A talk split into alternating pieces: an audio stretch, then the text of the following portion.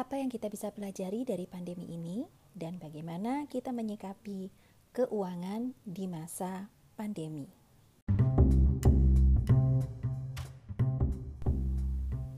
Bicara uang bersama Feby di podcast Dear Fab Feby karena uang selalu bisa dibicarakan dengan mudah.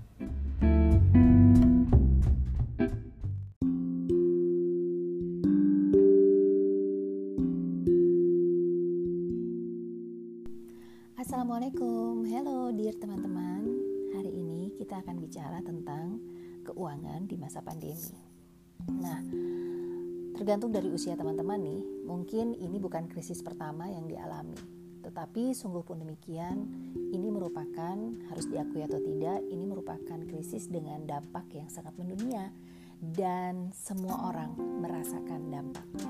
Nah, teman-teman, sebelum kita lanjut membicarakan ini, kita harus berpegang dulu nih satu prinsip bahwa sebagai umat beragama kita harus yakin bahwa Allah yang memasukkan kita dalam kondisi ini dan Allah pula yang akan mengeluarkan kita dari kesulitan ini. Akan tetapi Allah meminta ikhtiar terbaik kita. Nah, pembicaraan kita hari ini juga masuk dalam kaitan itu termasuk dalam upaya kita untuk berikhtiar yang terbaik sehingga walaupun kita semua merasakan dampak dari pandemi ini, kita bisa keluar dari pandemi ini dalam keadaan yang lebih baik.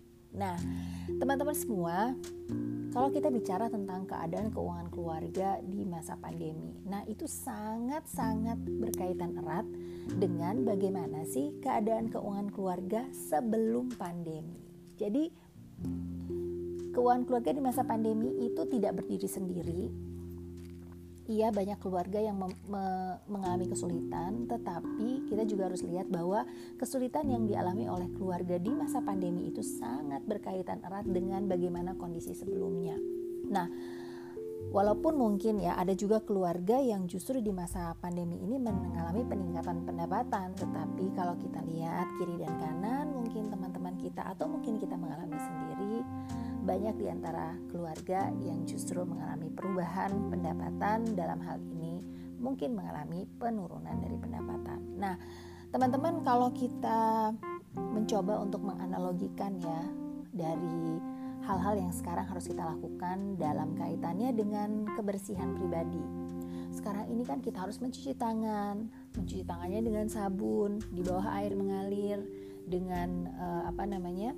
Uh, gerakan khusus 20 detik. Kemudian kita juga harus uh, makan sehat, menjaga imunitas tubuh, berjemur, minum yang cukup. Kemudian juga kalau misalnya keluar rumah, kita juga harus uh, menggunakan perlindungan, mungkin harus pakai masker.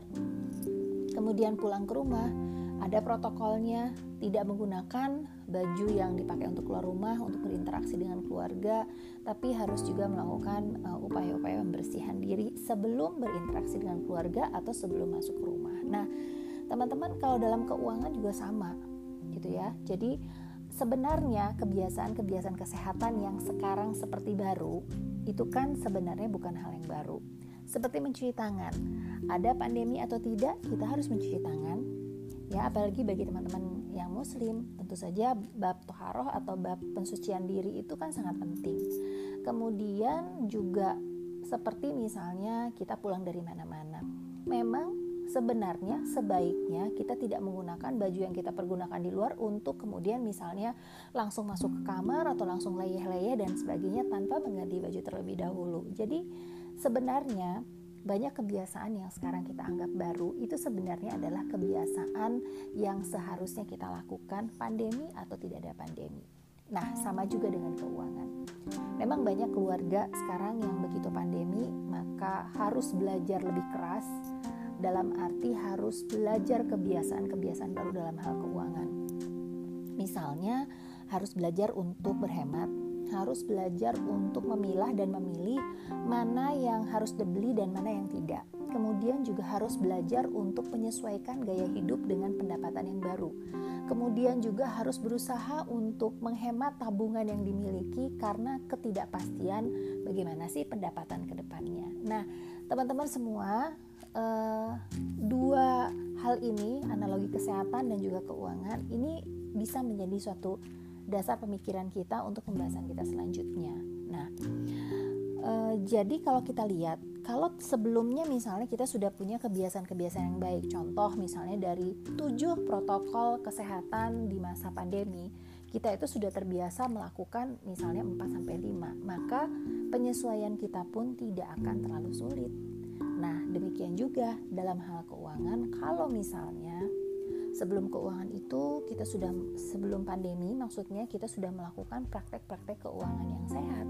Maka setelah pandemi PR kita tidak akan terlalu banyak dan penyesuaian kita tidak akan terlalu berat.